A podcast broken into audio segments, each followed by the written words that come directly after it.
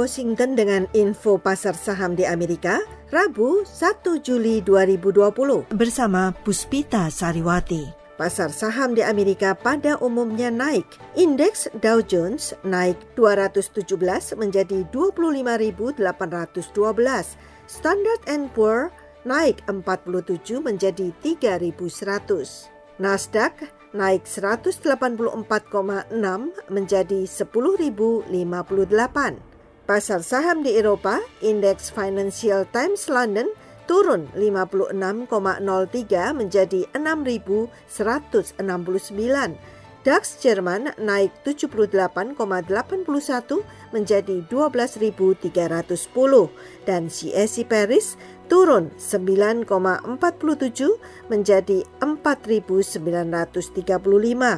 Sedangkan di Asia, pasar saham naik Indeks Nikkei Tokyo naik 293 menjadi 22.288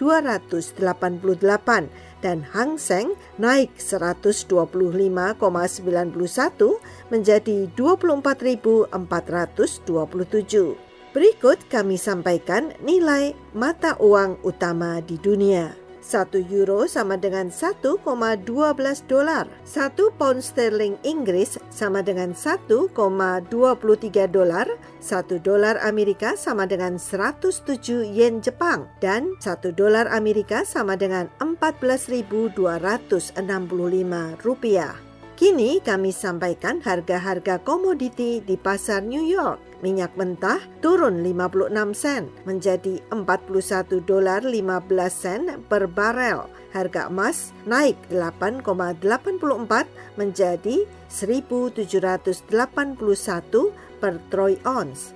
Beralih ke hasil-hasil pertanian, biji coklat turun 52 menjadi 2.186 per ton dan harga kopi naik 0,9 sen menjadi 1 dolar 1 sen per pon.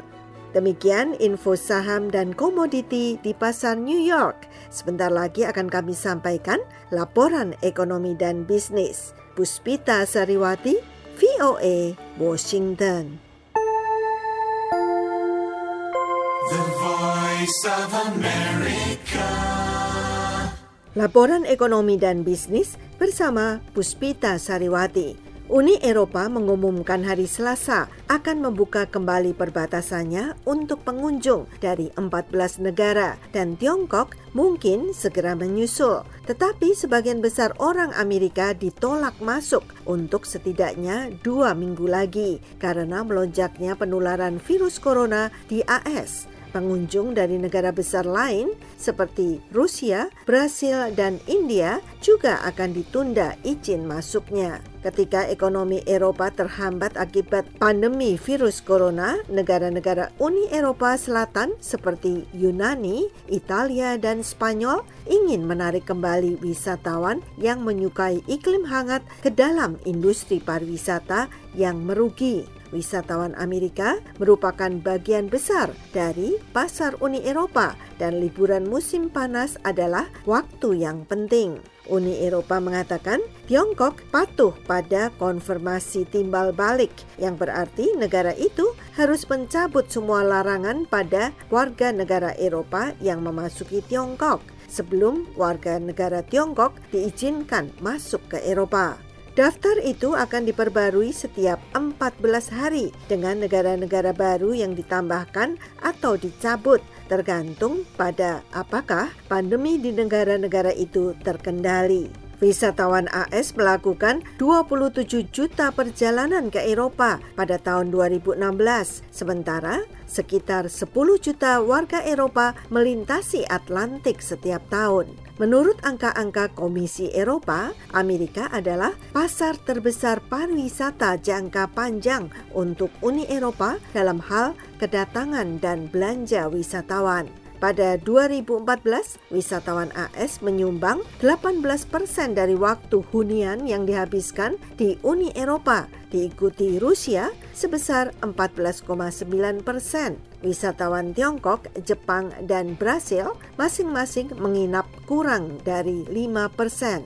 Beralih ke berita bisnis lain, Cinemark Holdings atau perusahaan industri film akan membuka kembali beberapa gedung bioskopnya di AS pada 24 Juli. Seluruh gedung bioskopnya akan dibuka kembali dengan peningkatan standar pembersihan dan keselamatan. Cinemark mengelola 555 bioskop di 41 negara bagian dan 15 negara di seluruh Amerika Selatan dan Tengah. Layanan online Yahoo Jepang dan Line Corp mengatakan hari Selasa dampak pandemi menyebabkan penundaan penggabungan atau merger keduanya lebih lambat dari yang dijadwalkan bulan Oktober. Z Holdings Corporated yang mengelola Yahoo Jepang dan Never Corporated dari Korea Selatan memiliki saham mayoritas di Line. Tahun lalu mengumumkan merger sebagai mitra setara yang akan membentuk perusahaan patungan melalui penawaran tender. Penjualan kuartal kedua perusahaan waralaba pizza dalam negeri, Papa John,